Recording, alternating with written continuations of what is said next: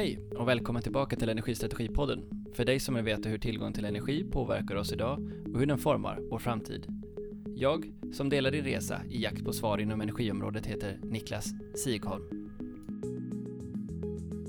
Den här veckan besöker vi en av upphovsmakarna till vad som kan bli startskottet på en transformation av den nordiska energimarknaden. För även om det låter som om jag tar i när jag säger det, så vet nog alla som följer någon form av nyhet i Sverige att när vi pratar om LKAB så pratar vi också om den potentiellt största sammanhållna investeringen i landet i modern tid. Och för alla er som följer energibranschen så vet ni vad 55 terawattimmar el innebär i ökad efterfrågan. I det här samtalet fördjupar jag mig i denna satsning tillsammans med Niklas Johansson som är kommunikationsdirektör och som även har förflutet som statsråd. Finns tekniken för fossilfri järnsvamp? Är den genomförbar? Finns pengarna? Och får man? Innan vi börjar samtalet vill jag göra er uppmärksamma på den kostnadsfria energistrategidagen. Oavsett om du har varit i Almedalen eller inte kommer det här att vara den mest intressanta dagen för dig i energibranschen.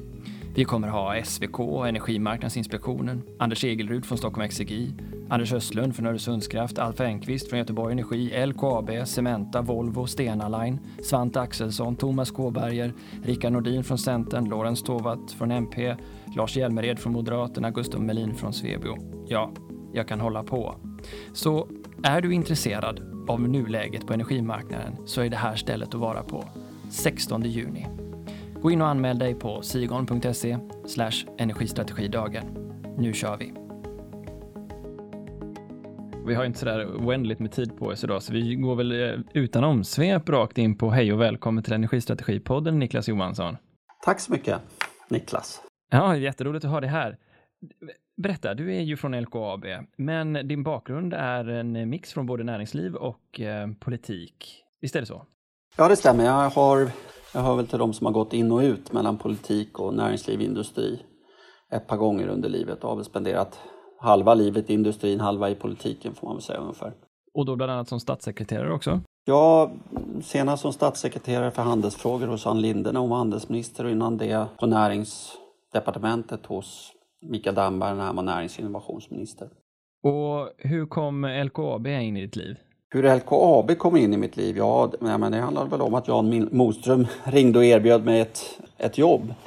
Men framförallt, det här är ju en fantastiskt spännande resa som vi har slagit in på. Som man vill vara med på och vill vara med och förändra det vi kan göra. Vi står ju inför någonting som jag ser som liksom det största industriprojektet och kanske ett av de mest komplicerade vi har sett i, i Sveriges historia. Med den omställning som LKAB ska göra för att gå från pellets till koldioxidfri järnsvamp. En, en omställning där vi räknar med att när vi har gjort det här fullt ut, ja men då kan vi spara koldioxidutsläpp hos våra kunder motsvarande två tredjedelar av hela Sveriges utsläpp. Det är gigantiskt. Det är liksom något större kan vi inte göra i Sverige. Ja, nej, det är verkligen helt otroligt. Och vi kommer ju penetrera det där området eh, i, i, i mer detalj här under avsnittet. Men först vill jag fråga dig, vad tror du, eftersom LKAB liksom verkar på en reglerad marknad med liksom väldigt viktigt att de har politiska förutsättningar för att kunna eh, agera och utvecklas. Vad, vad tror du, du dina erfarenheter från, från regeringskansliet och, och kan medföra i din roll nu för, eh, som kommunikationsdirektör på LKAB? Jag vet inte riktigt vad du, vad du menar med när du säger reglerad marknad utan vi lever ju på en konkurrensutsatt, globalt konkurrensutsatt marknad när vi pratar om, om järnmalm och alla de industrimineraler vi säljer.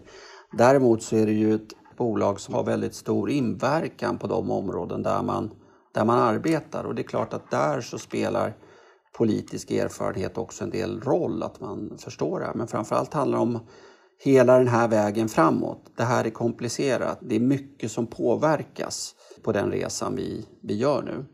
Eh, och då kan den politiska erfarenheten spela viss roll och, och hjälpa till, det hoppas jag. jag. Jag tänker också där när ni ska bana ny väg och testa områden som inte har testats förut. Det måste vara ganska speciellt att komma då till en, eh, en, liksom, en politisk kontext och ja, få politiker att göra någonting som tidigare inte har försökts förut. Eller? Ja, samtidigt ska man säga så här att vi har ju gjort sånt här förut i Sverige. Det vi står inför nu, hela omställningen för, för svensk industri, inte bara för oss, med elektrifieringen, övergången till en klimateffektiv som vi räknar med att det här kommer ju stärka svensk industris konkurrenskraft. Men det är stora förändringar. Men vi har gjort det när vi byggde ut vattenkraften, vi har gjort det när vi, eh, när vi byggde ut stambanorna, vi, även när vi byggde ut kärnkraften. Stora industriella projekt som har lagt grund till Sveriges välfärd. Eh, och det ser jag att det har vi alla förutsättningar att göra nu också. Men det, det, det är mer komplicerat idag. Det är svårare, men, men vi har en enorm möjlighet.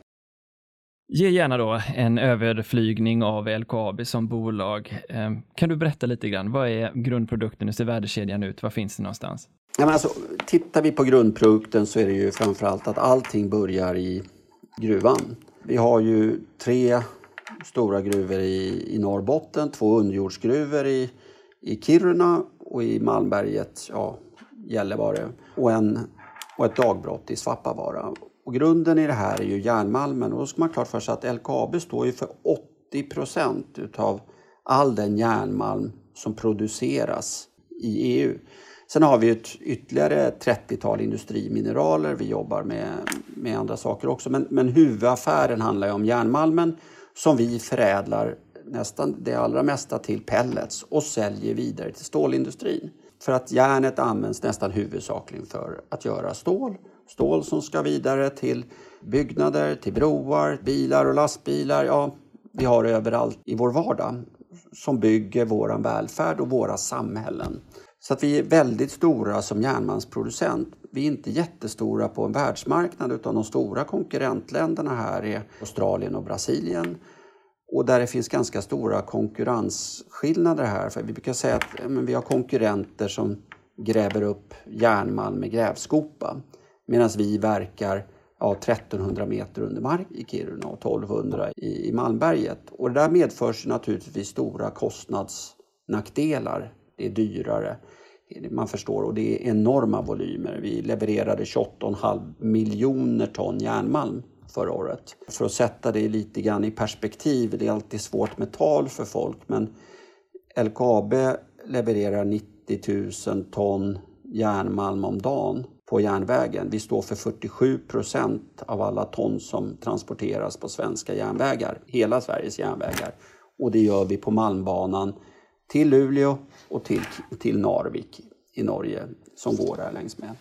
Så det är en det är en, omsätter ett, förra året var det 34 miljarder nästan. 4 500 anställda, de allra flesta i Sverige men en del i Norge och en del i... Vi, har, vi finns i 12 länder men det är mycket mer av försäljning och saker kopplade till våra industrimineralsverksamhet som finns utanför Norden. Då. LKAB är ett, ett av Sveriges äldsta industriföretag, 100 % statligt ägt. Vi levererade just här i dagarna nästan 6 miljarder i utdelning till, till staten, till svenska folket. Och visst är det så också att eh, marknaden nu det senaste halvåret har varit osedvanligt ljus? Väldigt. Både liksom råvaruindustrin och stålindustrin, våra kunder, är ju väldigt cyklisk verksamhet och vi befinner oss just nu, i, vi har haft rekordpriser på järnmalm nu under våren här. Eh, väldigt höga priser just nu. Och det där påverkar ju oss väldigt positivt naturligtvis. Men det vi också ser att, att våra kunder i stålen, stålpriserna går också upp väldigt kraftigt. Så att det här är någonting som, som de kan ta betalt för. Så att det där går, det går upp och ner i den här typen av bransch och påverkar rätt mycket. Men ja, vi gjorde ett, ett rörelseresultat första kvartalet i år på 7 miljarder. Så det, är en, det är en lönsam, det är en lönsam verksamhet. Och förutom eh, själva pelletsarna som är en produkt, vad är det mer för typer av produkter som ni säljer? Ja, men dels så finns det, tittar du på järnmalm så finns det ju järn som är i fines som man inte har gjort till pellets så att säga, det är en liten del. Men sen har vi ju andra industrimineraler, till exempel GGBS som vi säger, som är ett, ett återvunnet slaggmaterial från stålindustrin som kan ersätta cement i betong. Så att vi liksom återvinner det här och sen så finns det en, en rad andra industrimineraler som är av, av mindre karaktär om vi tittar på, på helheten. Att någonstans kan vi väl säga att 90 procent av bolagets omsättning handlar om, eh, handlar om järnmalmen. Ska vi eh, röra oss in mot det nu då? Vad är det för typ av hållbarhetsmål ni har? Vi kommer väl in på hela området om omställningen här, men kan du berätta om det först? Jag skulle säga så här att det viktigaste när vi tittar på och vi kopplar till hållbarhet och det som är liksom hela grunden för vår affärsstrategi framåt handlar väldigt mycket om koldioxidutsläppen.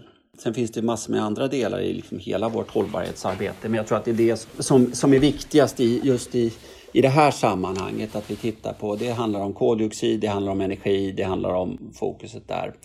Och då ska man ha klart för sig att järnmalm är en kombination av järn och syre. För att kunna göra stålet så måste du, för, måste du plocka bort syret. Du måste reducera det. Det här har man ju traditionellt gjort i, i masugnar som SSABs masugn i, i Luleå.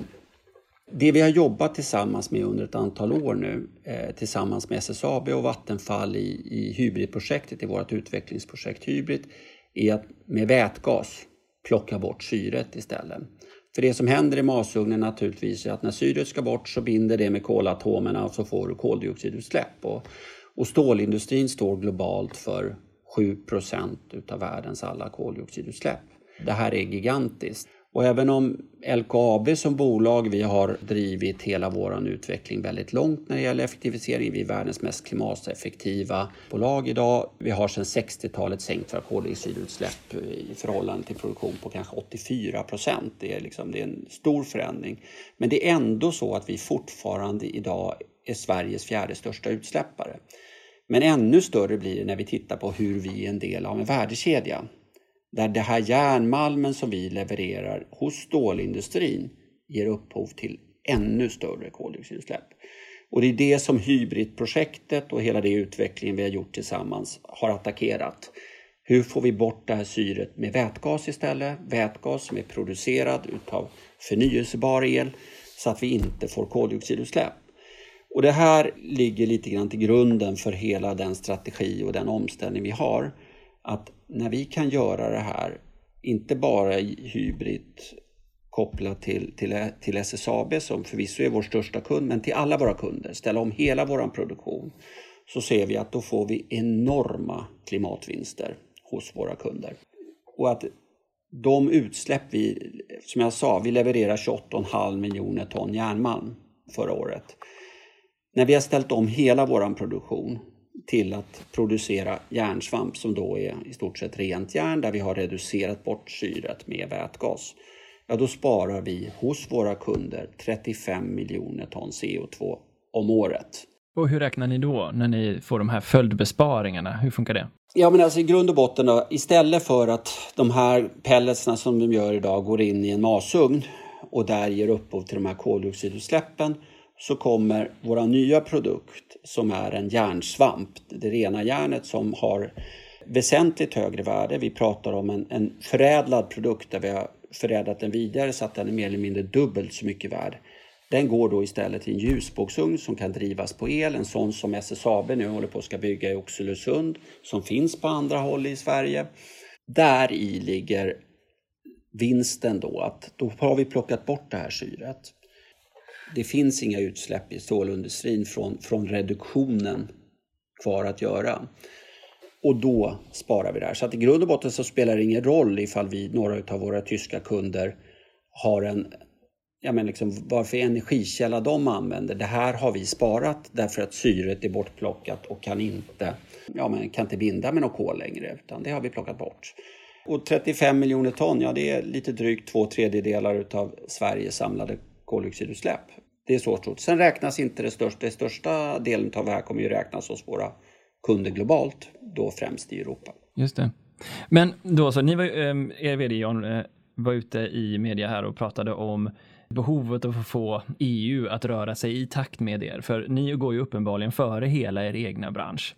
Vad är det ni ser, så att säga, för att våga göra det här beslutet? Vi kan komma tillbaka till pengarna och investeringar och sånt sen, men vad är det ni ser på marknaden som skapar trygghet för er att göra den här typen av förflyttning? Jag kan konstatera så att vi jobbar ju i en verksamhet där vi har väldigt långa investeringscykler. Vi befinner oss i ett läge där vi måste gå ner mot 2000 meter under marken i gruvorna nu i början på 30-talet och bygger en infrastruktur som ska vara konkurrenskraftig förbi 40, förbi 50, ja sannolikt förbi 60. Och där ligger ju lite grann att när vi tittar på ja, men hur ska du kunna vara konkurrenskraftig 2040? Ja, då är vi övertygade om att då måste du ner, då måste du ta bort koldioxidutsläppen.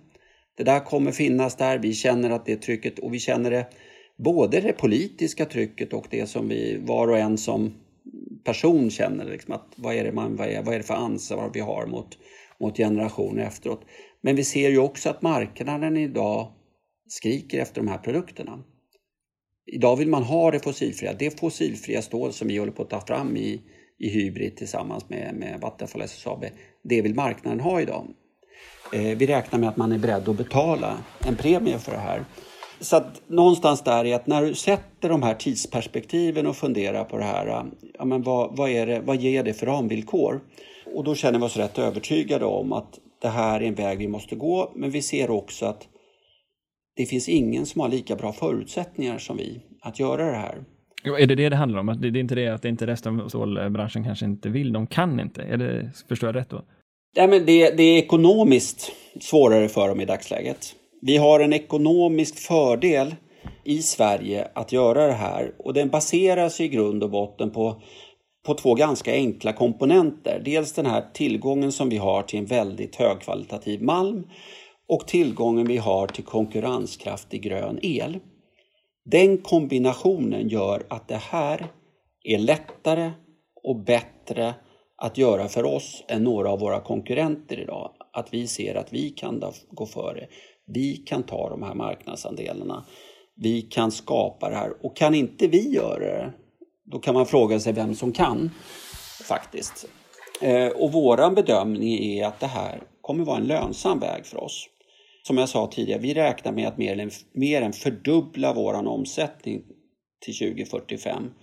Som bara på det här skiftet, att vi går och ökar förädlingsvärdet på våran produkt när vi plockar bort syret och egentligen plockar ett steg som tidigare har gjorts i masugnar i stålindustrin till LKAB och gruvan och binder ihop hela, hela vägen från när du bryter det 2000 meter under marken, tar upp det och förädlar det vidare och dessutom då minskar transportvolymer eftersom du inte skickar runt syre på järnvägen och på fartyg runt om i världen.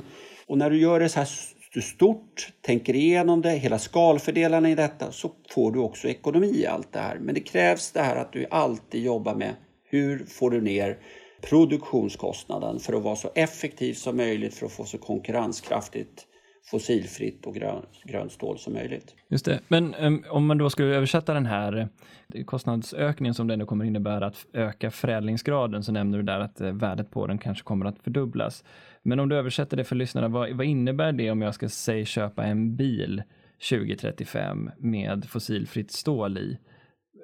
Kommer det bli väldigt mycket dyrare då eller hur, hur, hur ser det ut? Nej, alltså det, det där går ju svår, det är svårt att sätta den. Bedömningen är att det är inte dyrare än metalliklacken på bilen. Kan vi säga. Så där liksom att, just att göra det fossilfritt. Sen är det ju en del i det här att det finns två olika sätt att tillverka stål. Antingen masugnsprocess eller en ljusbågsugn som i grund och botten så används ljusbågsugnar. De drivs på el och de, de går främst på skrot idag.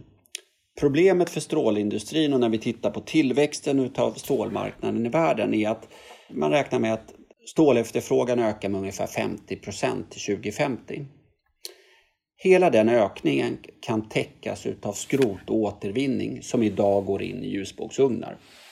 Men det betyder att stålindustrin 2050 i så fall skulle fortsätta att släppa ut exakt lika mycket som de gör idag från masugnsprocesserna. Ska du kunna öka, men, men skrotet räcker inte till. Det är inbyggt i våra broar, i våra fastigheter. Det är så värdefullt så att återvinningsgraden är redan väldigt hög på det här. Så att det är mer att det går, man ser inte att det här kan ser marknadsutvecklingen ut på det här sättet som ju grundar sig i tillväxt i världen. Det är inte att, det är inte att vi, du och jag, kommer att använda så mycket mer stål än vi gör, gör idag. Men vi pratar om tillväxten i, i andra delar av världen framför allt. Ja, men då måste det till någonting annat. Och när vi gör om det här till järnsvamp, ja, men då möjliggör vi att det kan, för den kan användas i ljusbågsugnar. Den kan blandas med skrot. Så att du klarar av en klimatomställning också och möjliggör för stålindustrin att ställa om. Det kräver en övergång på det här för att kunna komma bort från masugnsprocessen. Då vill jag bara egentligen innan vi går vidare på mer kring det här med energifrågan då, så var det ändå i den här debattartikeln som handlar om, om vilken tilldelning man får, fri tilldelning man får i utsläppsrättshandelssystemet ETS, så belystes det vilken skillnad det är i synen på LKAB kontra andra eh, stålverk runt om i Europa. Kan du ge lite kontext och förståelse för oss varför det är så? Ja, nej, men om vi säger så här att det, av någon anledning så är det så här att LKAB befinner sig i en helt egen grupp i förhållande till stålindustrin i någonting som kallas för Sinterek-märket. Det finns egentligen två olika sätt. Du kan, den typen av, av järnmalm som kommer in till, till stålverket kan vara antingen i sinters som är en liten taggig klump eller en pellet som är en liten rund klump. Och vi har då liksom lagt sig i en egen liten grupp som bara är en LKAB-grupp i förhållande till hela stålindustrin. Och anledningen till det här ser vi i grund och botten handlar om att det här finns det är ingen skillnad i vad det här gör för, för slutprodukten. Eh, man byter de här i stålindustrin fram och tillbaks eh, på olika sätt. Men vi är ju så mycket mer effektiva i, våran, eh, i vår klimatprestanda. Så att skulle vi vara med i samma grupp som stålindustrin så sjunker snittet för hur den fria tilldelningen ser ut så att ja, de stålbolagen, alla utom ja, SSAB får jag säga, som faktiskt använder våra pellets, alla, deras fria tilldelning skulle minska. Vår skulle öka och de, deras skulle minska, men deras skulle minska väldigt mycket mer än vår skulle öka. Så det är klart att det finns ett ekonom, från de andra stålbolagen så finns ett starkt ekonomiskt incitament att vi får inte räknas som dem. Men vi menar att det är fel och det är inte så systemet ska, ska fungera. Systemet måste premiera hela tiden en övergång till det bättre. Det var det som var grundtanken och det är inte så det fungerar idag i det här området. Så att vårt överklagande eh, när det gäller kommissionsbeslut handlar om det här att vi tycker att det här motverkar det motverkar grunden i vad, vad vi vill att systemet ska vara och det är, eh, det är orättvist mot oss och det är också någonting som vi förlorar på. Naturligtvis, för oss handlar det om eh, runt en miljard om året i konkurrensnackdel. Ja, det kanske är en överflödig fråga, men hur, hur ser det ut med regeringens stöd för arbete i en sån här fråga? Nej, men vi, vi har ju fått stöd både av Naturvårdsverket och av departementen att driva den här frågan mot kommissionen och även av miljöorganisationer och flera EU-parlamentariker och annat för att försöka få att det här är inte rätt hanterande. Så får vi se, men vi har inte kommit någon vart och då har vi landat i att nu får det här prövas i domstol. Ja, Okej, okay. så slutet på förra året så går ni ut och säger Hej kära Sverige, vi vill ha 55 eller behöver 55 terawattimmar till då jämte svenska energisystemet på 134 terawattimmar, eller elsystemet då i alla fall ska säga. Så en liten nätt tredjedel till dök upp där på en, en, en morgon. Jag tror alla som var i energibranschen satte kaffet i vrångstrupen den morgonen. Berätta lite grann om den här grandiosa visionen. Ni ska alltså satsa på stor produktion av vätgas. Förklara lite grann hur ni har tänkt att det här ska gå till. Hur jag tänkt att det här ska gå till? Jo, men om vi börjar med den här omställningen och vad den kräver så är det ju det att det här görs ju i steg det här är någonting som vi ser ska hända till 2045. Man ska ha klart för sig att de här anläggningarna, att övergången till järnsvamp som då är varje järnsvampsverk behöver ju då stora mängder vätgas producerad med elektrolys, grön el i botten och det kräver som jag sagt var fullt utbyggt, vi räknar med 55 terawattimmar. Där det mesta av det, över 90 procent, används för att göra vätgas. Och det här ska vi bygga ut mellan nu, ja, 26 när vår första demoanläggning för hybrid ska stå och gå i bruk fram till 2045. Så att det, är över, det är över lång tid. Men bara så att man också förstår magnituden i den typen av utbyggnad så räknar vi med att vi någonstans kommer behöva ha runt 2-3 tusen personer som bygger anläggningar och i gruvan och ovanför gruvan varje år i 15-20 år. Och som sagt var, det här behöver 55 terawattimmar fullt utbyggt. Och det, och jag, det var, som du sa, det, ja, men det är många som sätter kaffet i vrångstrupen och undrar hur ska det här gå till. Men då ska man sätta saker i sitt perspektiv. Dels är det här att det här är inte idag. Det är inte nu det är ett problem. Vi har ett exportöverskott, vi har gott om elkraft i norra Sverige och det är liksom det nordiska elsystemet har potential här. Men framför allt stora förändringen är det här att vad vi ska göra är storskalig vätgasproduktion. Och vätgasen som energilagring är extremt intressant och vänder på hela perspektivet som vi ser det och när vi har pratat ihop med våra partners om det här. Och det skapar också en hel del förändringar kopplat till, till möjligheterna för vindkraft till exempel. Det är många som fastnar väldigt mycket i just energikällan i alltihopa kring det ena eller andra. Men vindkraft är idag det mest konkurrenskraftiga att bygga nytt i Sverige. Problemet har ju varit att, att ja, hur ska du få el när det inte blåser? Inte minst när vi pratar om en industriell verksamhet som våran som ska gå 24-7, 365 dagar om året så är, det, så är det ett problem. Men när du kombinerar de här stora vätgas behovet, en vätgasproduktion och stora vätgaslager, så, så skapas helt andra möjligheter för att få till det här. Och där sitter vi nu och modellerar med partners för att se hur ska det här se till. För man ska klart för sig det är också det att det är stort, det är gigantiskt att stoppa in det här i malmfälten med balansering, redundans, kraftöverföring och det ena och det andra. Så att fullt utav utmaningar kopplat till det här. Men när vi satt och jobbade fram hela vår strategi så konstaterade man alltså att nej men det, det, det finns inga röda flaggor här. Det här är idag kommersiellt gångbart att se den här vägen framåt. Det som är utmaningen kommer handla om att se till att kunna bygga ut det, att få bygga ut det i takt. Det handlar om överföring och planering för balansering och robusthet och allt sånt där och att liksom få in det här i systemet. Men det är, detta är kommersiellt möjligt. Vi kan räkna hem den här affären tror vi. Mm. Finns förutsättningarna för platsen?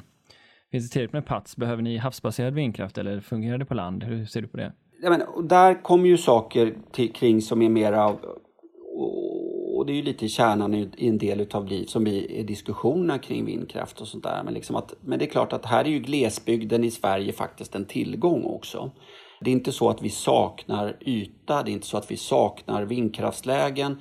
Vi har, vi har fördelar i att vi kan bygga stora parker på ett sätt som man inte, på land som man inte kan göra på en del andra ställen i Europa för att man är för tätbefolkade så det blir, det blir problematiskt. Men det är inte utan att det finns liksom intressekonflikter i allt det här, så är det ju. Men jag tror att några, liksom när Vattenfall tittade så pratade de om att ja, men om man bara skulle prata våra 55 terawattimmar vindkraft så 2000 verk, 1,5 procent av Norrbottens yta om man skulle ta allting därifrån. Men sen finns det ju också det möjligheterna att koppla det till Norge, till Finland. Vi har ett elsystem och sen så har vi har vattenkraften. Eh, vi är osäkra på liksom i dagsläget naturligtvis hur mycket utav det här kan vi lösa med vindkraft? Som vi, som vi håller på att titta på. Vad går att göra? Men när vi tittar på utbyggnaden så ser vi att det vi ska göra blir också någonting som stärker vindkraftens möjlighet att vara en del av systemet. Kopplat just till vätgasen och att vi kommer bygga ut, vi kommer ju bygga Sveriges, men liksom världens största vätgasanläggning i Gällivare nu. Och sen kommer det bli större och mer, mer efterhand. Men eh, vad säger ni då när ni möter exempelvis eh, debattörer som säger att ni borde titta på småskalig kärnkraft exempelvis? Är det stor skillnad för att ha grön vätgas eller ha rosa vätgas? Spelar det roll i fossilfrihetsbemärkelse? kan konstatera så att utifrån vårt perspektiv så finns det något så här. Ett, ska vi kunna göra det här så måste vi ha konkurrenskraftig koldioxidfri el. Och det är ju båda delarna. Men konkurrenskraften är ju liksom grunden i alltihopa. Eh, elkostnaden kommer bli vår största kostnadspost framöver. Det är liksom en stor del av den där omsättningsfördubblingen handlar ju om att vi faktiskt plockar in massa el som är producerad hos oss. Då. Så vi ökar ju förädlingsgraden för att ha kvar värdet i Sverige. Men det, det är gjort det är gjort utav det. Så konkurrenskraft är det viktigaste. Sen att det ska vara koldioxidfritt för att vi anser det. Sen tror ju vi på allvar att ja, vi tror att kunderna kommer vara beredda att betala lite grann mer för, för stål tillverkat med grön vätgas än rosa vätgas. Men det, det står ju i stjärnorna samtidigt. Är det så eller inte så? Sen är småskalig kärnkraft, ja det skulle kunna vara någonting. Men det är inte där idag. det vi ser idag som det mest konkurrenskraftiga, ja men det är ju faktiskt landbaserad vindkraft när vi pratar om utbyggnad av ny eh, kraftproduktion. Hur det ser ut framåt är ju en annan fråga, men i dagsläget är det ju det som är det mest konkurrenskraftiga för utbyggnad i, i vårt närområde. Det är inte det att vi utesluter kärnkraft i vår elmix, men jag har också sagt att ska man ha 55 terawattimmar så måste man ha klart för sig att det skulle vara för stor risk, politisk risk, att ha en för stor del kärnkraftsel i en sån mix. Därför att den, eh, det går liksom inte att ersätta 55 terawattimmar speciellt snabbt om man skulle få saker som händer som gör att, eh, att man ser helt annorlunda på det kraftslaget. Så att vi lägger rätt mycket kraft eh, och tid på att modellera kring vad kan man göra kring vindkraften till exempel. Men det är ju framförallt i koppling till våra partners och Vattenfall och andra liksom för, att, för att se hur ska det här se ut? Men också hur ska systemet se ut? Hur får vi det här att fungera systemmässigt? Att stoppa in en så stor, ja men liksom ett LKAB-land i, i det nordiska elsystemet som kan koppla upp och, och, och hänga med i det nordiska elsystemet på den, den delen. Om vi då, innan vi går in på ekonomi, men stannar lite grann vid det här med den, den, tekniska satsningen ni gör på vätgas. För den är idag, om man ser till dess teknik och vad det kostar att eh, producera den, eh, ganska dyr. Eh, det innebär att ni tar en bett då på, eller kanske redan vet, att ni kan få ner kostnaden för vätgasproduktion ganska signifikant. Förstår jag rätt då? Ja, nej men, ja det gör du kan säga så här att det vi ser och det som händer idag på vätgas eh, när det gäller för vätgasproduktion, det är ju en enorm utveckling och vi räknar ju med att vi kommer se samma sak där som vi har sett på solceller och, och på vindkraft under de senaste decennierna. Och det kommer gå snabbt. För att i dagsläget så har ju vätgasproduktion inte varit industriellt, liksom, utan det är, det är verkstadsindustri och det finns, det har inte funnits hela den grund som ligger, som alla som håller på med, med industri vet vad skala betyder och vilken utväxling det får i, i produktionskostnad. Och det där kommer också inom, inom vätgasen. Och det ser vi att det här kommer komma och att det vi gör när vi också går ut och säger liksom nu vi ska bygga och vi ska bygga så här stort så blir ju den här typen av utbyggnad för de som ska leverera dit bankable när en stor kraftfull aktör berättar att det är det här vi ska bygga. Det är så här mycket vi ska bygga. Eh, sen finns det ju en del teknikval kopplat till det här och liksom olika delar. Men vi ser en kraftig utbyggnad som händer just nu och vätgas kommer vara grund för att industrin ska kunna ställa om. Det är vår bedömning. Men Många har ju sett liksom att eh, dagens priser på var det 60 kronor per kilo, att det behöver ner hela vägen till 30 kronor per kilo för att vara konkurrenskraftigt med andra typer av tekniker. Ser ni den typen av kostnadsreduktioner fram till 2030, 2040? Eller? Absolut, det gör vi. Vi räknar absolut med att man ska kunna komma ner till, eh, till kostnader under, under det på den här tiden. Ni har pratat om bortåt, om jag kommer ihåg rätt, 15 till 20 miljarder kronor i investeringar per år i 15 till 20 år. Har jag fått de siffrorna rätt? Ja, nej, vad vi har sagt är att vi räknar med att vi kommer behöva investera mellan 10 och 20 miljarder om året i de här 15 till 20 åren. Ja, med början om bara ett par år. Det, för det är ju helt ofantliga summor. Det är så nästan eh, det här med, med snabbtåget till, till, mellan Stockholm, Göteborg och, och Malmö kan slänga sig i väggen. Men får ni tag i pengarna? Finns pengarna för den här typen av investering? Det kanske är en dum fråga, men det är ju så mycket pengar, tänker jag. Ja, men då ska man liksom titta på det så här. Först eh, ska man göra investeringar. Men grunden för den här investeringen är ju att det är en lönsam kalkyl i det här. Att när vi går upp i värde på våran produkt, när vi fördubblar våran omsättning så är det ju, det är ju den resan som framför allt ska bära investeringen.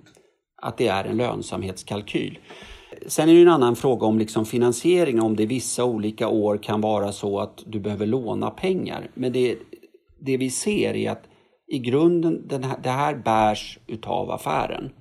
Sen är ju vi ett starkt bolag idag med, med liksom som har en, en balans med liksom utan nettoskuld och eh, en balansräkning där vi förvaltar över 30 miljarder och som jag sa, vi gjorde 7 miljarder i, i vinst första kvartalet.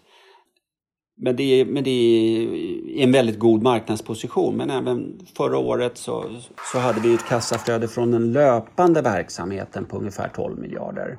Eh, så att grunden så, så måste alla sådana här investeringar kunna bäras utav sin affär. Och det är väl det som är väldigt spännande när man har sett och tagit de här perspektiven och får hela skalan i det. I att vi ser att ja, men det här är en affär. Det är inte, en, det är inte ett, liksom ett projekt som bara drivs utav ett politiska viljan att, att ställa om, utan vi tror att vi kan ställa om på det här sättet konkurrenskraftigt. Eh, och lönsamt. Och definitivt, det, är alltid svårt att känna hur mycket kommer du tjäna på det här med den typen av långtidspriser du får räkna in för att det är, det är långa tidsperspektiv.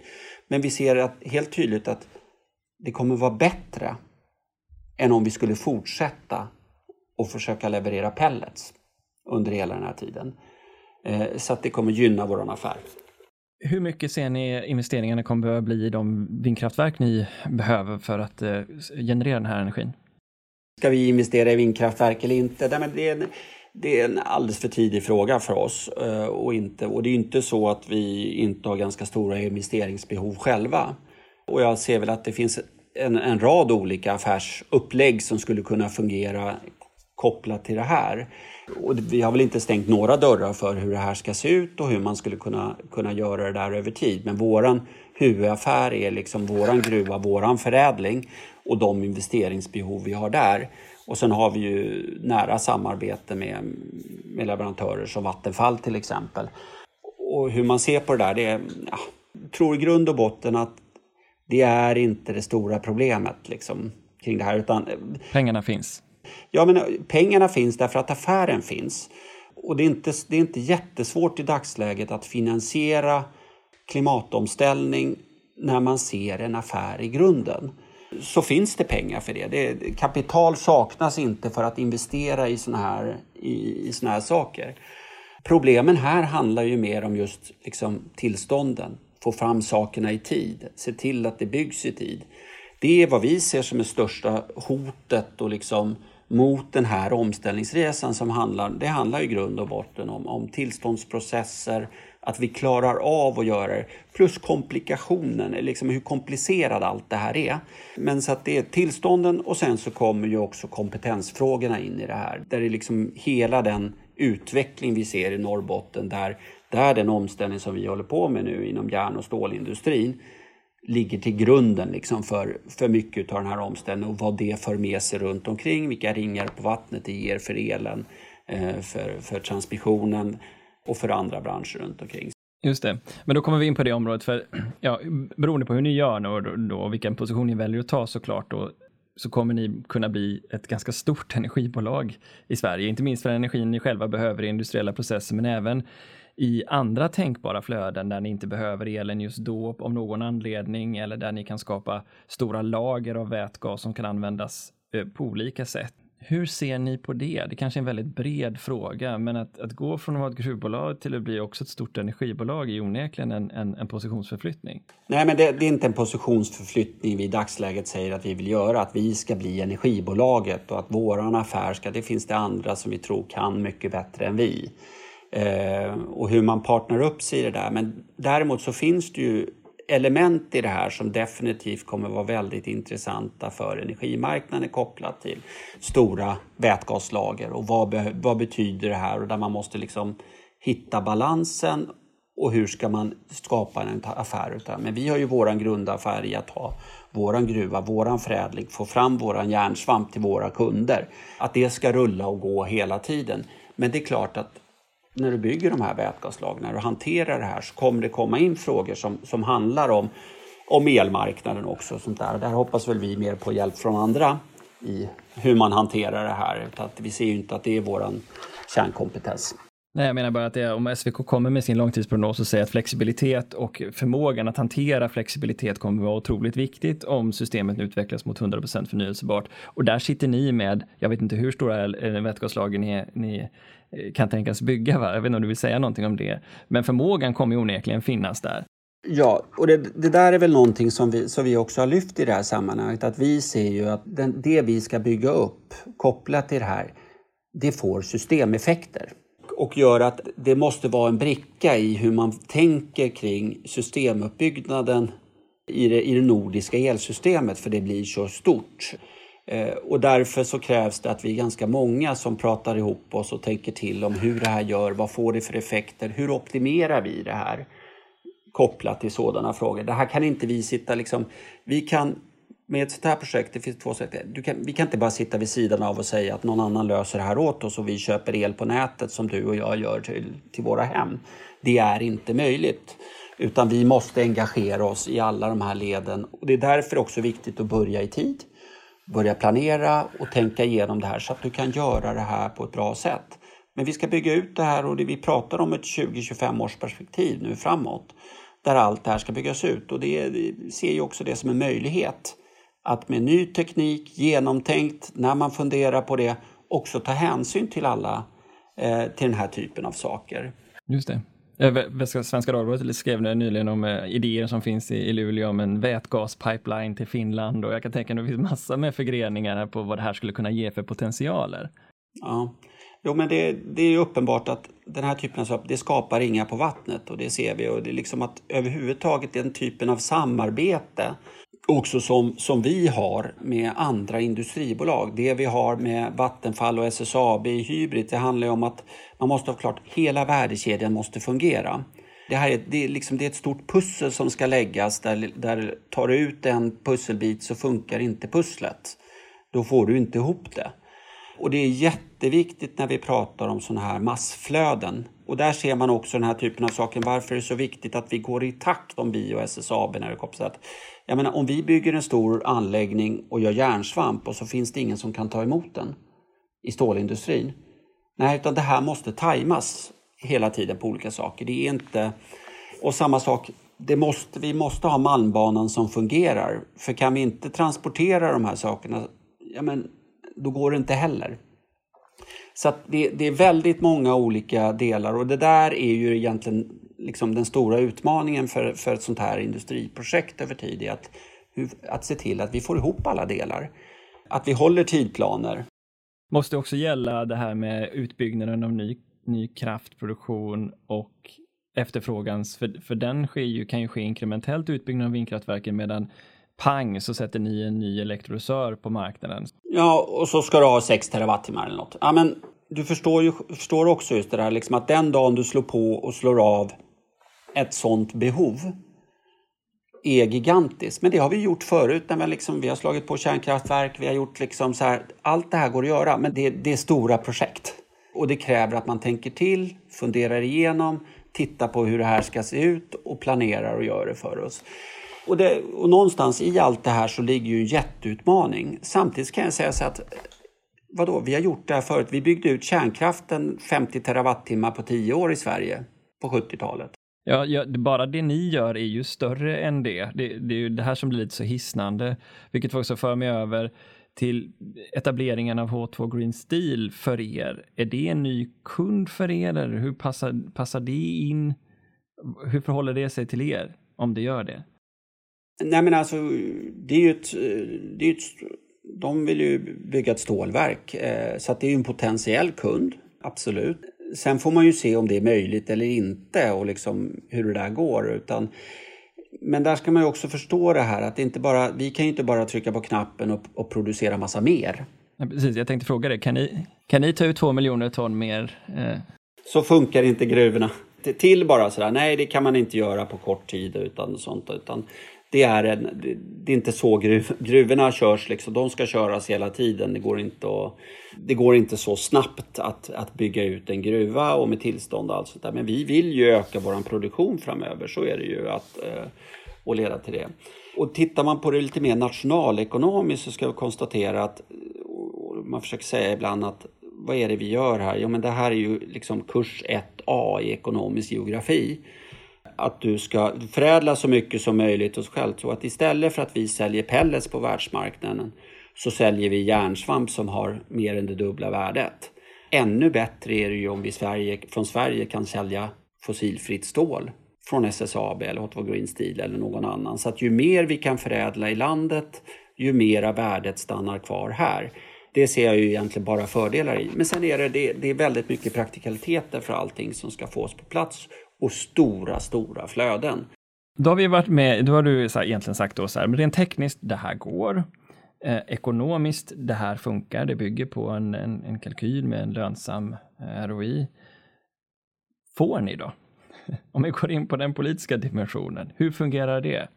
För era krav och er tidsplan, om man tittar på historiskt vad vi har klarat av i, i form av att bygga nytt stamnät och förse regioner med tillräckligt med kapacitet, har ju onekligen då, tagit lite tid. Hur ser ni på det här med tillståndsprocesser och befintlig lagstiftning? Och där, där ser vi ju att eh, nej, det här går inte om det fortsätter att funka som det har gjort de senaste åren. Även om det finns, det finns goda exempel ibland. Däremot så känner vi också att det finns ett, ett väldigt driv och en förståelse från folk. Senast SVK var ute med en debattartikel i DN här där man liksom också konstaterar att, att liksom vi behöver hitta en helt annan. Regeringen har varit ute och varit ganska tydliga på, på det punktet. Och det gäller kraftöverföringen och att vi måste få ner tiden som det tar att bygga ut kraftledningen. Samma sak har ju vi när det gäller miljötillstånden kopplat till våran gruvverksamhet som också måste hänga, alla de här tillstånden måste hänga med. Och fungerar det som har gjort tidigt, nej då hinner vi inte. Då klarar vi inte det här. Men det finns en vilja från väldigt och folk ser det här.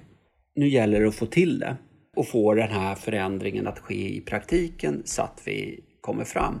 Men det finns goda exempel på när tillståndsprocessen har fungerat väldigt bra. Northvolts tillståndsprocess, det där är jättebra. Kan det funka så? Så är det klart. Men jag tror att det kommer att kräva utav oss nya arbetssätt hos oss och hos myndigheterna väldigt tydligt. Liksom, där, vi, där vi hittar andra sätt och kanske en del lagändringar också på olika ställen. Men att väldigt mycket går att göra inom befintligt lagrum. Och det är inte frågan om att vi ska minska miljövillkoren och sånt, men vi måste kunna hantera det på ett mycket effektivare sätt över tid.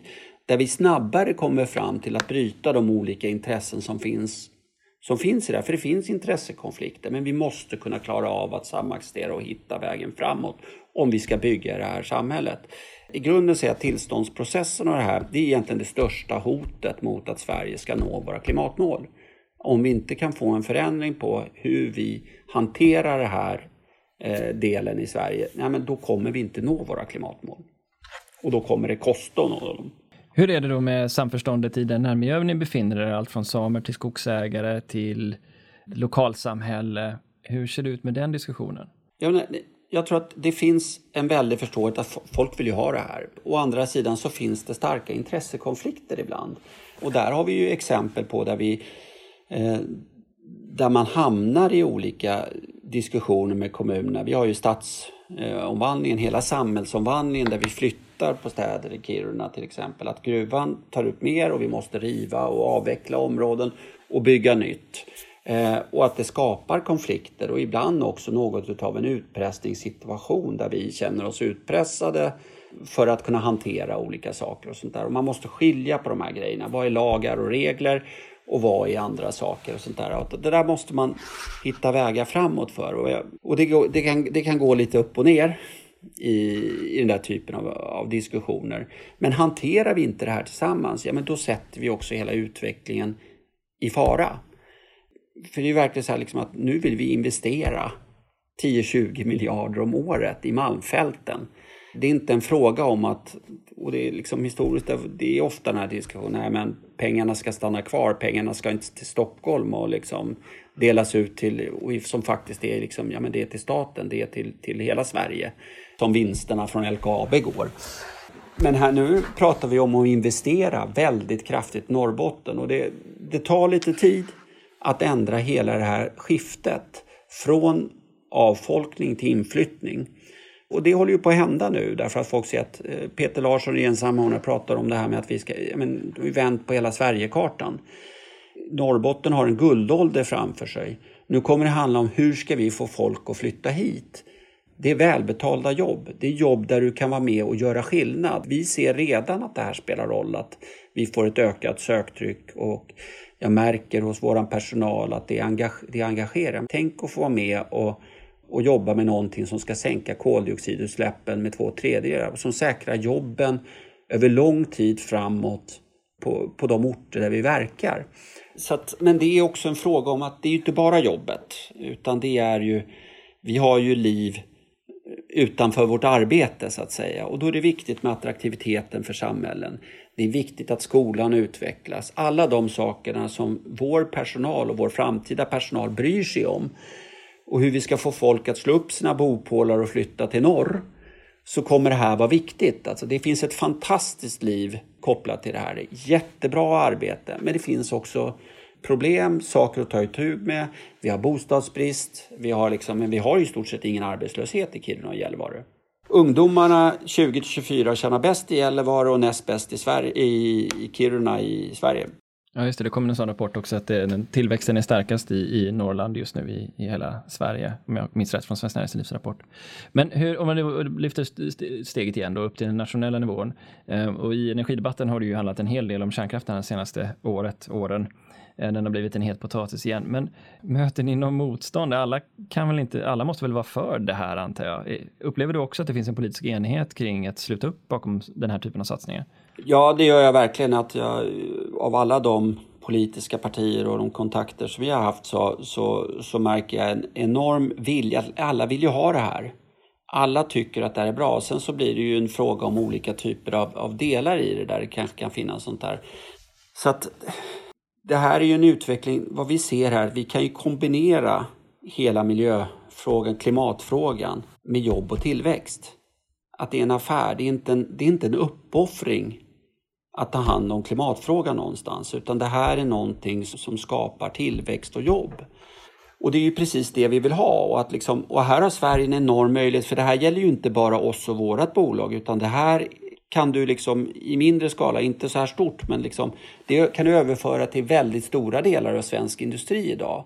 Tittar du på industrin så ser vi ju runt omkring bolag som, som ser klimatet som en affärsmöjlighet och att ta ledningen i den här äh, delen. Och där finns det väl i politiskt fortfarande en del kvar, att, att folk kan ligga i en, i en del att de inte tror att industrin vill och sånt där. Men det, det menar jag är en felbild i Sverige idag. Det kan se annorlunda ut i en del andra länder, men i Sverige så är det väldigt tydligt att svensk industri och svenskt näringsliv ser ett värde med en sån här utveckling också. Och då har vi ju mycket lättare att om alla ser att det finns ett värde i det här, vi kan skapa det här. Men sen kommer det komma lokala intressemotsättningar, inte minst kan vi koppla det, liksom, det ser vi inom vindkraften till exempel, att alla vill ha vindkraftsutbyggnaden. Men väldigt, det är väldigt många som motsätter sig att den ska ske just här, just där de bor. Okej, okay. jag har jag ett litet hopp här, men först innan jag gör det hoppet så kommer jag vilja liksom ha en konkret fråga. Har ni något sånt här elpris som ni behöver få det till för att kalkylen ska gå ihop med tanke på att det är en sån viktig kostnad?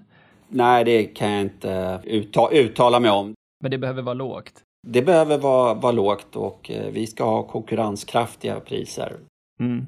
Men att sätta ett, mål, sätta ett målpris eh, på det sättet, det gör jag inte offentligt. Men om jag säger så här då, om logiken är så här, vi bygger ut vindkraften mycket så är förväntansbilden att ni ska kunna pressa ner priset på el så att, så att ni kan få en konkurrenskraftig affär. Den logiken måste ju ändå stämma. Absolut. Vi ser att det går att projektera ny vindkraft till konkurrenskraftiga priser på den här tiden när man, när man kalkylerar eh, på vad det kostar. Eh, ja. Och då undrar man ju om man tar perspektivet mellan Sverige och eh, södra Sverige då och den eh, snart färdigställda nord-syd-länken. Hur ser ni på den påverkan av hur mycket som går att, att flöda nedåt söderut i Sverige? Från det som ju har varit vår energi, liksom, eh, reserv uppe i norr. Nej, men, ja, nej, men jag tror att jag tror inte att man kan tänka att det här ska vara en envägsledning längre. Eh, med den här, liksom, ja under ett par år till. Men liksom, när vi har byggt upp hela den här saken så är det svårt att liksom, med allt det som händer i Norrbotten nu så är det svårt att se det här som att det bara är en ledledning som egentligen går hela tiden åt det ena hållet. Tänker man så kring det här så tror jag att man kommer hamna fel med tanke på de stora industriella utbyggnad som sker i, i, i Norrbotten framåt. Däremot så är det viktigt för balansfrågorna, för robustheten i nätet och för, för, för liksom systemet som helhet, att det kan röra sig åt, åt båda hållen hela tiden. Så att det kommer att ställa krav, tror jag, på utbyggnad av elproduktion också i södra Sverige och i Mellansverige. Att man kan inte tro att liksom all elen ska byggas ut i, i norr och sen skickas söderut hela tiden. Och framförallt att det inte på det sättet som det har fungerat eh, historiskt i alla fall. Men jag, jag, måste försöka hinna med här, för vi har ett område till som är väldigt spännande som har med cirkularitet att göra och det är er satsning på industrimineraler, sällsynta, sällsynta jordartsmetaller, fosfor, fluor och annat som ni vill utvinna ur, om jag förstår det, redan, vad ska man kalla det, eh, det som blir kvar efter gruvbrytningen. Hur ser ni på det området och varför är det viktigt? Ja, men så här, kan vi ta och illustrera det med att ett av de stora projekt som vi, som vi håller på med nu där vi konstaterar att våra malm är väldigt apatitrik, ett, ett fosformineral. Och där vi konstaterar nu att ja, men, vi har en infrastruktur för att ta upp järnmalmen. Idag skickar vi ut på våra avfallsdammar stora mängder av ett mineral som vi konstaterar att det här kan vi med teknik ta ut andra produkter av ett cirkulärt tänkt och, och säkerställa att vi tar det här. Och sitter nu och jobbar med hur vi ska kunna bygga en helt nya apatitverk i Kiruna och Malmberget kopplat till gruvorna och en industripark där vi tittar framförallt på Luleå och Skellefteå. För att ur det här som idag blir avfall plocka ut fosfor. Och vi pratar mängder motsvarande fem gånger Sveriges behov av fosforbaserat mineralgödsel som är liksom jordbrukets stora problem när vi pratar om deras färdplaner till fossilfrihet handlar ju om dieselmaskiner och mineralgödsel. Och att bara det här, om vi jämför det, alltså mineralgödsel är ju någonting som man importerar, fosfor importerar man från framförallt Västsahara och, och Ryssland till EU. Det här är en process som vi ska göra helt fossilfri med vätgas, med grön ammoniak, för att kunna få ett cirkulärt tänk och, och liksom få in det här, ja men då skulle vi spara lika mycket koldioxid som LKAB släpper ut idag. Om man jämför med vad den här produktionen ersätter i, i andra delar av världen. Så att då är det liksom fosfor. Men det är inte bara att plocka ut fosfor ut här utan det är också sällsynta jordartsmetaller där vi har möjlighet att plocka ut motsvarande 30 procent av EUs behov av sällsynta jordartsmetaller ur det som idag går och blir avfall för att du får ihop det, det stora volymer, det blir inte jättemycket och sällsynta jordartsmetaller är ju enormt viktigt för hela den tekniska utvecklingen. Du kan prata om, om liksom elbilar, vindkraftverk, hela, så här. hela elektrifieringen. Men, men det växer ju jättekraftigt. Så att det är 30 procent av det idag, det kommer inte betyda 30 procent, men vi hoppas att vi kan ha det här igång någon gångstans 2027. Så kommer det vara mindre därför att marknaden växer så kraftigt. Och det är också geopolitiskt viktigt, precis som med, med fosforen som vi idag köper från, till, till Europa från, från Ryssland och Marocko och Västsahara så är sällsynta jordartsmetaller en marknad som Kina totalt dominerar med över 90 procent av hela världsmarknaden.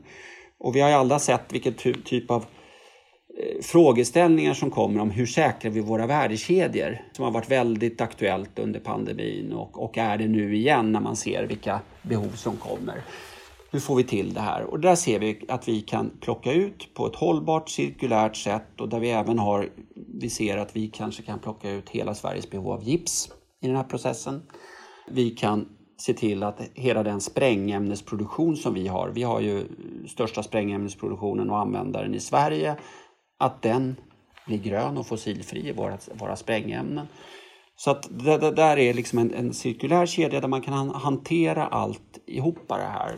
Det jobbar vi också med som är en viktig del i, att, eh, i våran framtidsstrategi och som gör att vi för den här typen av stora investeringar som vi ska göra när vi går ner till 2000 meter i gruvorna, dyrt, stort, kan lägga på fler produkter som ska hjälpa till att bära bära de investeringarna så att vi får mer värde ur alltihopa. Och det är klart att det här skulle vi inte kunna göra om vi inte hade järnmalmen i grunden.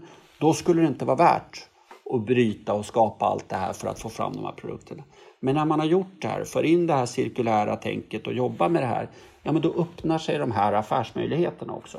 men snacka om en investering, i alla fall ur mitt perspektiv, som hamnar i skuggan av den stora vätgassatsningen. Ja, nej, men alltså vi, vi tittar på, det, det är ju så att den, den, det här är en gigantisk och jättesak i sig. Vi pratar om en sån här industripark och de här apatitverken, ja, men det här är en investering på, på runt 10 miljarder. Kanske 500 nya jobb i en sån industripark kopplat till det här. Så att, ja, det här är stort och det är jätteintressant. Och där vi också ser liksom att det är tillståndsprocesser och annat som kan, som kan ställa till det. Men även en del logistikfrågor. För det mycket av det här är, det är stora volymer. Logistik är viktigt. Är det någonting så här ni saknar för att kunna känna nu kör vi, det här blir av? Eller är du så djupt eh, liksom, förankrad i detta att du säger att där är vi redan, det här kommer att ske? Jag, jag, jag ska säga så här att vi börjar Självklart. Vi var, vi, det fanns ju liksom att om du går ett par år tillbaks när det var rubriker i Dagens Industri på att liksom Malmen tar slut. När man hade konstaterat att mineraliseringarna under i Kiruna såg inte ut som man hade tänkt sig innan. Men nu har vi lagt ner 700 miljoner de senaste två åren på prospektering, hittat grejer och ser att nu har vi förutsättningar för gruvdrift förbi 2060. Då kan vi konstatera att ja, men nu tror vi att liksom, nu har vi ett helt annat självförtroende för att kunna lansera den här strategin framåt. Tekniskt så känner vi oss trygga med det vi håller på med i Hybrid nu, att vi kommer att hantera tekniken här. Det som kommer att kunna sätta stopp för det här handlar ju om sådana här saker som tillstånd som gör att man inte kan säga nej men nu blir det här av. Nej det kan jag inte säga. Vi måste fortfarande få tillstånd för allting det här. Elledningarna måste på plats. Det ena och andra. Men jag kan säga att jag känner mig väldigt trygg med att vi ser att det här är möjligt. Det här, skulle, det här går att göra. Men det går inte att säga att nej men nu händer det. Vi är redan klara. Eh, nu är det bara en fråga om att effektuera. Nej, det kan jag inte säga. Utan då, det kommer att finnas det kommer finnas ett antal olika delar på vägen som liksom, vi måste få tillstånd. Vi måste kunna driva gruvan vidare. Vi måste kunna göra det här. Annars så kan vi inte, annars händer inte det andra heller. Kan du sätta avslutningsvis lite i perspektiv, hur viktigt ser du att den här typen av investeringar är för AB Sverige? Men jag tror att det är helt avgörande. Det är avgörande för att vi ska nå våra klimatmål. Jag ser inte att vi kan göra det utan att industrin klarar av och ställa om. Det är, det är A och Industrin vill ställa om. Vi ser en affär i att ställa om. Nu gäller det att se till att vi också kan göra det. Men jag tror också att för AB Sverige och kopplat till det här, det, illustreras ganska bra av den här omvända Norrbottenskartan, att någonstans att vi kan bygga en helt ny, det blir en ny industrialisering av Sverige där man ser hur det här är. Och det liksom, industri är ju väldigt mycket tjänster också, det ska man ha klart för sig. Som inte folk alltid tänker på för att de, de tänker på det som utan industri. Det är industri och industrinära tjänster. Och det här skapar jättemöjligheter för Sverige som välfärdsnation. För det här, det som vi vill vara, liksom, världens första fossilfria välfärdsnation. Att ta oss den vägen dit. Men då måste vi se till att de här sakerna händer, att det kommer i takt, att det här byggs. Och där ser jag väl utmaningarna. Vi klarar av att göra det här. Tack så hemskt mycket för att du var med i Energistrategipodden Niklas. Tack så mycket.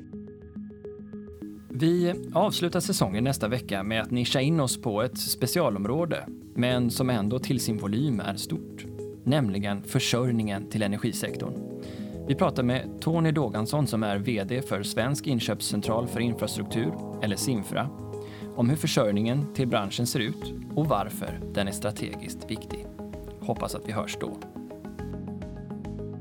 Vi återskapar succén från förra året och gör den nu ännu större den 16 juni arrangerar vi Energistrategidagen, den digitala konferensen om energi. Lyssna och delta i diskussioner om de mest aktuella frågorna i branschen i den pågående energiomställningen. Gå in på sigholm.se energistrategidagen för att läsa mer. Tillsammans navigerar vi för en hållbar framtid.